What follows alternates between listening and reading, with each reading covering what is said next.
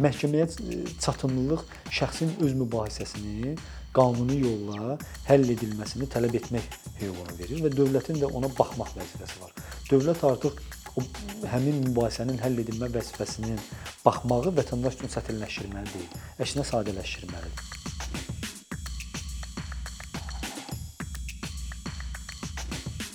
Konstitusiyaya əsasən hər kəsin hüquq və azadlıqlarının məhkəmədə müdafiəsinə təminat verilir. Başqa sözlə desək, hər kəsin məhkəməyə müraciət etmə hüququ var. Bəs praktikada bununla bağlı hansı çətinliklər var? İnsanların məhkəməyə çatımlılığında hansı süni maneələr yaradılır? Bu gün bu mövzuda danışacağıq. Qonağımız Vəkillər Kollegiyasının üzvü Babək Həmidovdur. Babək bəy, xoş gəlmisiniz. Xoş gördük sizi Ayşə xanım. Təşəkkür edirəm təkrar dəvətiniz üçün və mövzunuz üçün. Azərbaycanda məhkəməyə çatımlılıq qənaət bəxşdirmi? İlk olaraq haqlı olaraq qeyd elədiniz ki, məhkəmə müdafiəsi təminatına konstitusiya qarant verir və belə bir hüququn mövcudluğunu konstitusiyada təsbit olunubdur. Və bu hüquqdan irəli gələrək vətəndaşın belə bir vətəndaşların ümumiyyətlə Azərbaycan Respublikası ərazisində yaşayan hər kəsin belə bir hüququn mövcudluğu varsa, dövlətin də belə bir vəzifəsi mümkün olur. Dövlətin nəticə itibarilə bu vəzifəsini hansı qaydada, necə yerinə yetirməsi artıq onun yaratdığı məhkəmə hakimiyyəti orqanları və həmin məhkəməyə qədər ki, mübahisələrin həll etmə orqanları vasitəsilə həyata keçirilir. Cari situasiyada şəxsin məhkəməyə çatımlığı hansı qaydadadır? İlkin olaraq burada iş kateqoriyalarına görə ayırmaq lazımdır mülki işlər, inzibati işlər, mülki işlər dediyim ora artıq ailə, yəni mülki prosessual məcəllə ilə tənzimlənən işlər, cinayət prosessual məcəllə ilə tənzimlənən işlər, inzibati e, icraat haqqında qanunla tənzimlənən işlər və inzibati prosessual e, məcəllə ilə tənzimlənən işlər e, götürməklə bir neçə yerə ayırmaq olar. İlkin olaraq məsələn daha çox vətəndaşların müraciəti mülki işlərlə bağlı olur. Qanunvericilikdə ümumi qaydada nəzərdə tutulmuşdu ki, mülki işlərin müəyyən bir hissəsi üzrə, yəni e, ailə məsələləri üzrə, ailə mübahisələri üzrə, o cümlədən əmək mübahisələri üzrə və kommersiya mübahisələri üzrə mütləq qaydada müraciət edən, yəni hüququ pozulduğunu güman edən şəxs ilkin şəkildə, burada şəxsiyyəndə həm hüquqi şəxs, həm fiziki şəxs nəzərdə tuturam. İlkin qaydada mediasiyaya müraciət etməlidir. Məhkəməyə qədər həll variantı kimi mediasiyada iştirakı və mediasiyadan e, məsələnin həllinə nail olmaqla bağlı çalışması məhkəməyə müraciət etmək istəyən, hüquqi pozulduğu güman edilən şəxs üçün məcburi qaydada nəzərdə tutulubdur. Bunun yaxşı və mənfi tərəfləri var. Bu bir mövzu.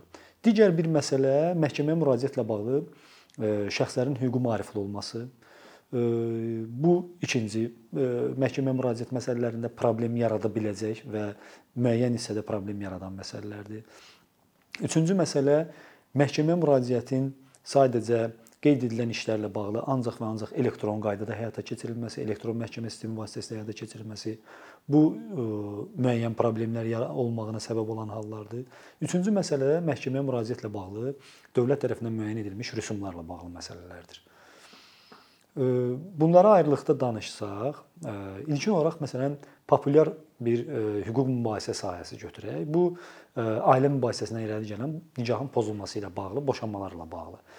Qanunvericilik nə deyir? Qanunvericilik nikahın pozulması ilə bağlı, boşanma işləri ilə bağlı birbaşa olaraq onu bildirir ki, şəxs birbaşa olaraq məhkəməyə müraciət edə bilməz.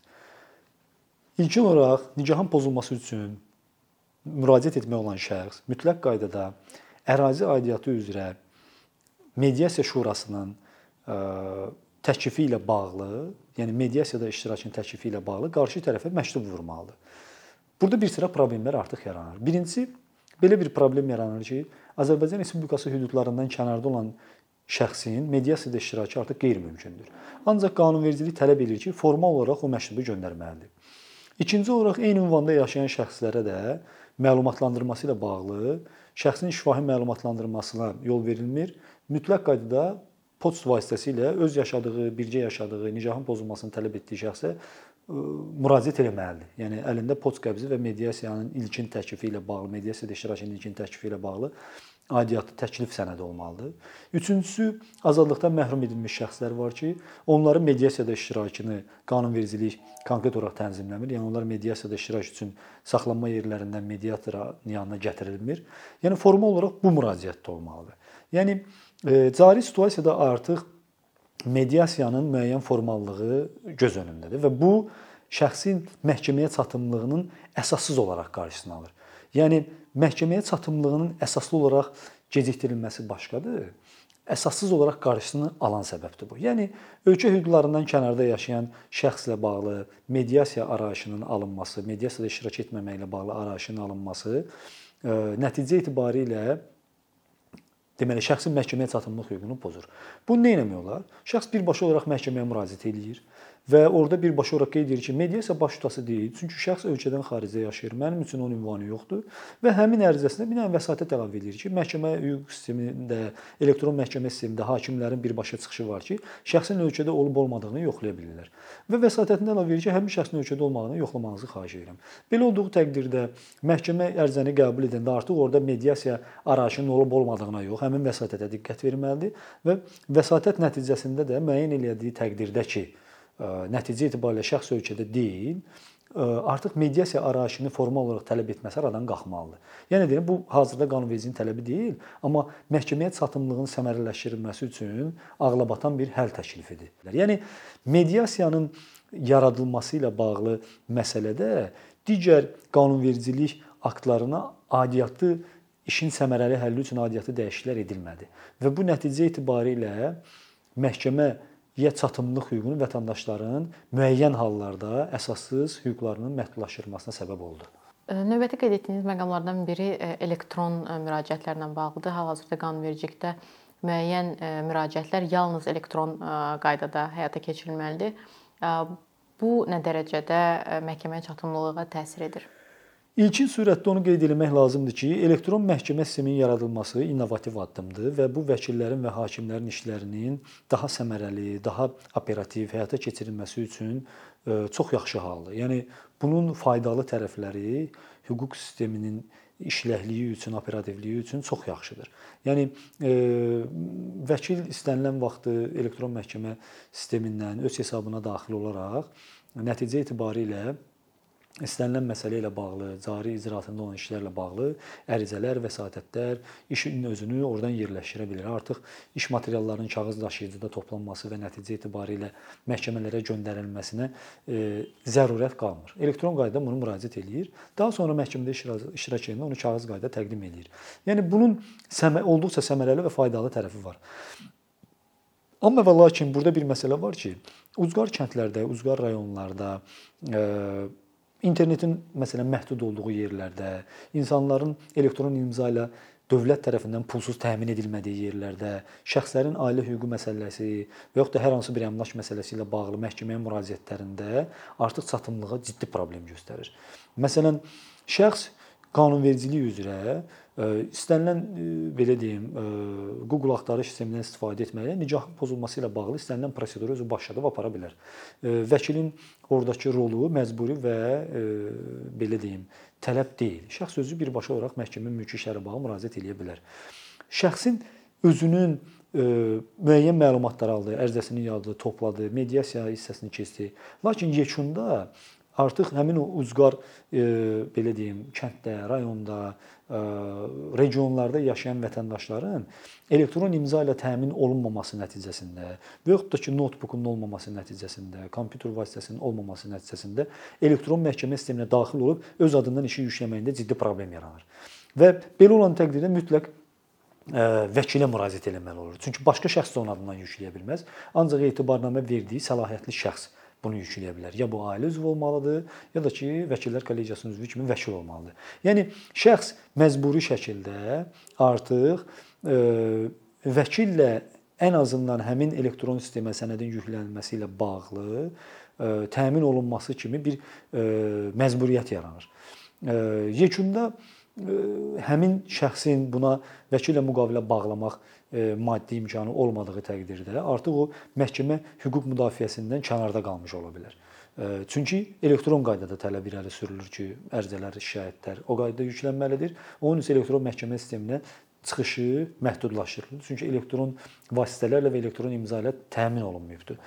Mən hesab edirəm ki, əsas diqqət məhkəməyə çatımlılıq hüququnu həyata keçirilməsi ilə bağlı bu məsələlərdə çəkilməlidir. Məsələn, Azərbaycan Respublikasının istənilən ərazisində, istənilən kəndlərində poçtlar fəaliyyət göstərir və onlar bildiyim qədərilə yüksək internetlə təmin olunurlar. Həmin postlarda dövlət tərəfindən məhz bunların həyata keçirilməsi ilə bağlı ən azından texniki vasitələr yerləşdirilə bilər.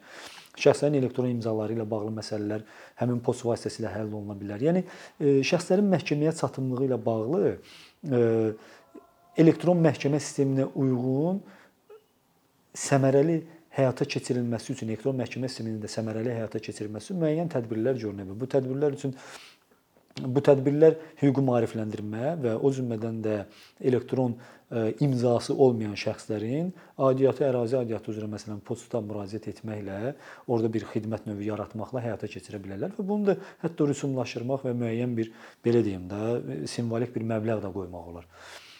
Düşünürəm ki, elektron məhkəmə sisteminin tələbinin yəni olmağı və elektron imzası olmayan vətəndaşlar üçün bu ciddi bir məhkəməyə çatımlıq hüququnun pozulması ilə nəticələnə bilər qeyd edə bilərik hansı növ iddialar üçün elektron tələb olunur. Yəni biz bilirik ki, bəzilərində həm elektron, həm poçt vasitəsilə də göndərə bilərik. Bəli.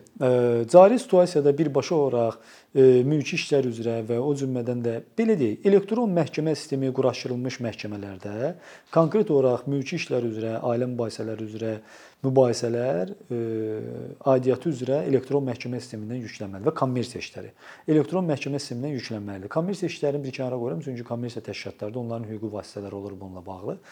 Amma fərdi vətəndaşlarla bağlı olan hissələrdə isə mütləq qaydada elektron qaydada sistemə yüklənməlidir. Lakin söhbət burada zərər çəkmiş və cinayət hüququ ilə bağlı məsələlərdən gedirsə, artıq bu cinayət təqibi qaydasında qiymət verilməlidir və aidiyyatı hüquq mühafizə orqanları tərəfindən kargüzarlıq qaydalarına uyğun olaraq həyata keçirilir. Burada vətəndaşın özü yox, digər tərəf. Amma vətəndaş o işə cəlb olunduqdan sonra tutalım ki, zərər çəkmiş şəxs statusunda, artıq zərər çəkmiş şəxs statusunda o işə cəlb olunduqdan sonra orada elektron kabinet ona lazım ola bilər və orada istifadə etməli olur. Yəni e, müəyyən tənzimləmələrə ehtiyac var ki, konstitusion olaraq dövlətin öz üzərinə götürdüyü məhkəmə təminatı hüququ səmərəli şəkildə vətəndaşlar tərəfindən həyata keçirilsin. Növbəti qeyd etdiyiniz məqam e, dövlət rüsumları ilə bağlıdır. E, biz bilirik ki, müəyyən növ iddia ərizələri üçün dövlət rüsumundan azad oluna bilər e, vətəndaşlar. Bu nə dərəcədə təsir eləyir məhkəməyə çatımlığa?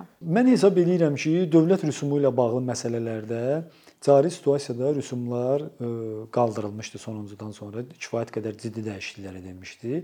Həmin dəyişikliklərə əsasən e, ən aşağı qaydada məhkəməyə müraciət üçün rüsumdan azad olunmuş imtiyazlı şəxsləri bir kənara qoyuram. E, rüsum ödəmə olan şəxslər ən aşağı qaydada 100 manat məhkəməyə rüsum ödəməlidir. Məhkəmə dövlət hesabında rüsum ödəməlidir. 50 manat mediasiya ilə bağlı və 50 manat məhkəmə ilə bağlı rüsum ödəməlidir və bu mediasiya ödənilən rüsum məhkəməyə ödənilmiş rüsumun tərkib hissəsi sayılır. E, və artıq məbləğlə bağlı olanların isə məbləğlərə görə dəyişən rüsumlar var və hətta onların müəyyən faizi məbləğ və müəyyən faiz nəzərdə tutulur. Orada kifayət qədər ciddi məbləğ tələb olunanda artıq həmin ödənilən rüsum da həmin məbləğə adekvat olaraq hesablanıb ödənilməlidir. Yəni cari situasiyada rüsumların ödənilməsi ilə bağlı məsələdə mən hesab edirəm ki, yekunda əgər rüsumun tutulması məsələsi işi udanın və yaxud da uduzanın tərəfinə qoyulursa, elə məhkəmənin qətnaməsi ilə həllini tapmaq olan məsələdir. Əgər məhkəmədən kənar, məsələn, baxılmamış saxlanılırsa və yaxud da ki, tərəflərdən birinin hər hansı bir formada məhkəmədən, yəni iddiaçı şəxsin marağını kəsb eləməyən iş olursa, onda iddiaçıdan həmin qaydada tutula bilər. Yəni burada mən nəyi nəzərdə tuturam? Məsələn, borc borc münasibəti var. Tutalım ki, bir şəxsin digər şəxsə 20 min, 15 min və yaxud da 30 min miqdarında müəyyən məbləğlərdə borc tələb etmək hüququ var. Həmin borcun tələb edilməsi üçün şəxsin deməli məhkəməyə müraciəti üçün tələb olunan rüsum elektron hesablasaq kifayət qədər orada hardasa 300 manata qədər hesab hesab edirəm ki, 300 manata qədər orada rüsum çıxacaqdır. Əgər rüsumdan azad deyilsə, o rüsumu əvvəlcədən ödəməlidir. Əgər bu şəxsin belə deyək, maddi təminatı ona imkan vermirsə və yaxud da ki, pul dəymiş e, deməli e, ödənilməli olan pul məbləği ilə bağlı sonuncu onun gəlir yeridirsə və yaxud da belə deyək də ödəməyin maddi imkanı yoxsa, həmin tələblə bağlı artıq o problem yaranır. Artıq idarə situasiyada qanun birbaşa olaraq iddiasının üzərinə qoyur ki, pul tələbi eləyirsinizsə, nəticə etibarilə əvvəlcədən məhkəməyə rüsum ödənilməlidir. Lakin cari situasiyada ən e, cari dövrdə ən e, belə deyim, məhkəməyə çatımlıq hüququna mane göstərən hal kimi hesab edirəm ki, formal mediasiyaların həyata keçirilməsi ilə bağlı məsələlər və o cümlədən də elektron məhkəmə ilə bağlı məsələlər. Çünki məhkəməyə çatımlılıq şəxsin öz mübahisəsini məhz qanuni yolla həll edilməsini tələb etmək hüququnu verir və dövlətin də ona baxmaq vəzifəsi var. Dövlət artıq o həmin mübahisənin həll edilmə vəzifəsinin baxmağı vətəndaş üçün çətinləşdirməli deyil, əksinə sadələşdirməlidir. Sonra biz bilirik ki, ali məhkəmədə e, vəkillə təmsil olunmaq məcburidir və vəkillə təmsil olunmadan məhkəməyə müraciət, ali məhkəməyə e, müraciət etmək e, mümkün deyil. Bu nə dərəcədə məhkəməyə çatımlılığa təsir edir? Düşünürəm ki, ali məhkəmədə vəkillə təmsil olunmaq hüququ mütləq qaydada, yəni bunu daha açıq şəkildə desək, vətəndaş mülki ailə mübahisələri ilə bağlı, inzibati məsələlərlə bağlı məhkəməyə özü fərdi şəkildə vəkil olmadan müraciət edə bilər və öz hüquqlarının müdafiəsini həyata keçirə bilər. Həm də ailə üzvü olduğu təqdirdə yaxın qohumların təmsil edə bilər hüquqlarını və müdafiəsini həyata keçirə bilər. Qanun ona icazə verir. Amma qanun orada qeyd edir ki, kassasiya şikayəti mütləq qaydada vəkil tərəfindən təmin hazırlanmalıdır və ali məhkəmə əgər işvahi baxışla həyata keçirəcəyi təqdirdə mütləq qayda vəkillə təmsil olunmalıdır və bu ali məhkəmənin e, qanuna irəli gələn tələblərindən biridir. Vətəndaşlara göndərilmiş bildirişlərdə də o qeyd olunur. E, mən hesab edirəm ki, bu ağla batandır və məhkəməyə çatımlıq hüququnu pozmur. Niyə görə? Çünki qanunvericiliyin tələbinə görə ali məhkəmə işə mahiyyəti üzrə baxmır. Konkret olaraq hansı maddi və prosessual hüquq normalarının tərtib düzgün tətbiq edilib edilməməsi ilə bağlı məsələlərə baxır. Yəni artıq vətəndaş hüquqi maarifli nə qədər də olsa belə, ora artıq hüquq mübahisəsinin mahiyyət üzrə yox, həmin hüquq mübahisəsinin mahiyyət üzrə həll edildiyi zaman maddi və prosessual hüquq normalarının düzgün tətbiq edilib edilməməsinə baxır. Yəni orada artıq hüquqşünaslar bu məsələni müzakirə etməlidir və hüquqşünaslar yekunda bu məsələ ilə bağlı fikir bildirə bilər və xahişlər eləyə bilər və hansı maddi və prosessual hüquq normalarının düzgün tətbiq edilməməyi, hansı maddi prosessual prosessual normaların tətbiq edilməli olduğunu hüquqşünaslar daha yaxşı izah edə bilər. Yəni bir növ ali məhkəmədəki araşdırma hüquqşünasların birbaşa müzakirəsindən keçmək olan bir şeydir. Vətəndaşın nəticə etibarilə kassasiya şikayətini yazarkən işin mahiyyəti ilə bağlı yazacağı kassasiya şikayətləri onunla bağlı olduğundan artıq məhkəmənin üzərinə yük düşürdü ki, məhkəmə özü burada araşdırmalıdır ki, kassasiya şikayətinin dəlillərində göstərilmirdi. Artıq özü araşdırmalı idi ki, görəsən apellyasiya instansiyası qaydasında iş araşdırılarkən maddi və prosessual hüquq normaları düzgün tətbiq olunub yoxsa yox. Bu məhkəmənin işinin operativliyini, səmərəli araşdırmasına mənfi təsir göstərən hal idi. Ondan sonra vəkillə təmin edilməni ona görə qoydular ki, mütləq qaydada vəkil tərəfindən kassasiya şikayəti hazırlanmalıdır. Yeni dəyişikliyə görə isə, yəni son dəyişikliyə, yeni demək, son dəyişikliyə görə isə artıq kassasiya şikayəti yazılarkən Azərbaycan Respublikası Milli Məclisi tərəfindən təsdiq olunmuş qanuna əlavə edilmiş formada vəkil tərəfindən yazılmalıdır. Yəni konkret olaraq vəkil artıq orada ümumi sözlərdən yox, konkret hansı maddi hüquq normalarının, hansı prosessual hüquq normalarının pozulduğunu birbaşa göstərilməlidir və hansı maddi hüquq normalarının, hansı prosessual hüquq normalarının tətbiq edilməli olduğunu göstərməlidir. Yəni iş birbaşa olaraq hüquq müstəvisində hüquq normalarının tətbiqi ilə bağlı, yəni hüquqşünaslıq məsələsi olduğuna görə məhkəmənin məhz ali məhkəməyə şikayətin, kassasiya şikayətinin vəkil tərəfindən hazırlanması və o cümlədən də baxışın şifahi baxışın vəkilin iştirakı ilə həyata keçirilməsi tələbi ağlabatandır. Əgər şəxsin vəkillə müqavilə bağlamağa tutalım ki, ehtiyacı yoxdur, yəni e, e, maddi e, deməli imkanı yoxdursa, bununla bağlı da qanunverici nəzərdə tutubdur. Bakı apellyasiya məhkəməsi, yəni aidiyyatı üzrə apellyasiya məhkəmələrində iddia qaldıraraq, ərizə ilə müraciət edərək həmin iş üzrə kassasiya şikayətinin vəkil tərəfindən hazırlanması ilə bağlı ərizə ilə müraciət edir və aidiyyatı qərarla ə, vəkillər kollegiyasına müraciət edir və vəkillər kollegiyası da aidiyyatı üzrə ərazi üzrə vəkil qurumundan, məhz həmin vəkil tərəfindən az təminatlı şəxslərin məhkəmə qərarı ilə təyin olunmuş vəkil tərəfindən hazırlanan və vəkillə təmsil olunsun, hüquqlarının qorunmasını həyata keçirə bilər. Yəni Ödənişsiz qaydada. Bəli, vətəndaşın orada maddi imkanı çatmırsa, vətəndaş hər hansı bir onunla bağlı ödəniş həyata keçirməyinə zərurət qalmır. Yəni e, bir növ desək, vəkillə e, təmsil olunmağa maddi imkanı çatmayan şəxslərin də ali məhkəmədə hüquqlarının təminatını qanunvericilik tam şəkildə həll edib. Və son sualım ə, müəyyən meyarlara əsaslanan, yəni cins və ya cinsi orientasiya ə, bu bu meyarlara əsaslanaraq ayrı seçkiliyə məruz qalan şəxslər çoxdurmu? Yəni məhkəməyə çatımlılıq baxımından baxımdan praktikada. Mənim fəaliyyət göstərdiyim müddət ərzində həmin şəxslərin məhkəməyə çatımlılıqla bağlı hüququna hər hansı bir belə deyim, dəqiq statistik məlumat olmayıb. Yəni müraciət edən olmayıbdı. Nəticə etibarilə məhkəmənin konstitusion, yəni dövlətin öz üzərinə götürdüyü konstitusion norm olaraq hər hansı bir irqindən, dinindən, mənsub olduğu etnik mənsubiyyətdən və digər bütün ayrı seçkiliklərə baxmayaraq hər kəsin məhkəmə müdafiə hüququ təmin olunur. Hər kəs məhkəmə nəticə etibarilə məhkəməyə çatımlıq hüququnda hər hansı bir problemlə bağlı diskriminativ, yəni ciddi problem yaradaq yaradacaq bir məsələ yoxdur. Yəni az öncə sadaladığım tələblər həmin şəxslərdə də eyni problem yaradır və bu dediyim o məhkəməyə çatımlıqla bağlı olan elektron məhkəmə problemi və o cümlədən də ki, mediasiya ilə bağlı formal mediasiya problemi, məhkəməyə çatımlıq hüququnu onların diskriminasiyaya məruz qalmadan məhdudlaşdıra bilən hüquq ola bilər. Yəni hər hansı bir bu diskriminativ qaydada həyata keçirilən və yaxud da ayrı seçkiliyə səbəb olacaq bir şəkildə məhkəməyə çatımlıq hüququ pozulmur. Amma sizin praktikanızda belə bir şeylə qarşılaşmamısınız da? Yəni açıq deyim, yəni yaxın ətrafımda da eşitdiyim məsələlərdə olmayıbdı hər hansı bir formada cinsinə görə şəxsin işinə baxılmasından və yaxud da ki, etnik mənsubiyyətinə görə şəxsin işinə baxılmasından imtina edilməsi ilə bağlı məsələlər olmayıbdı. Azərbaycan Respublikasında yaşayan və belə deyim, Azərbaycan Respublikası vətəndaşı olan erməni etnik mənsubiyyətinə mənsub olan şəxslərin də məhkəmədə hüquqları müdafiə olunubdu, onunla bağlı proseslərim də olubdu. Yəni nəticə etibarilə bağlı, yəni mən onların məhkəməyə çatımlıqları və məhkəmədə işlərin baxılmaması ilə bağlı hər hansı bir problem yaşamamışam. Çox sağ olun Babək bəy, vaxt ayırdığınız üçün, gəldiyiniz üçün, ətraflı məlumat verdiyiniz üçün. Təşəkkür edirəm. Siz də sağ olun. Uğurlar arzulayıram. Thank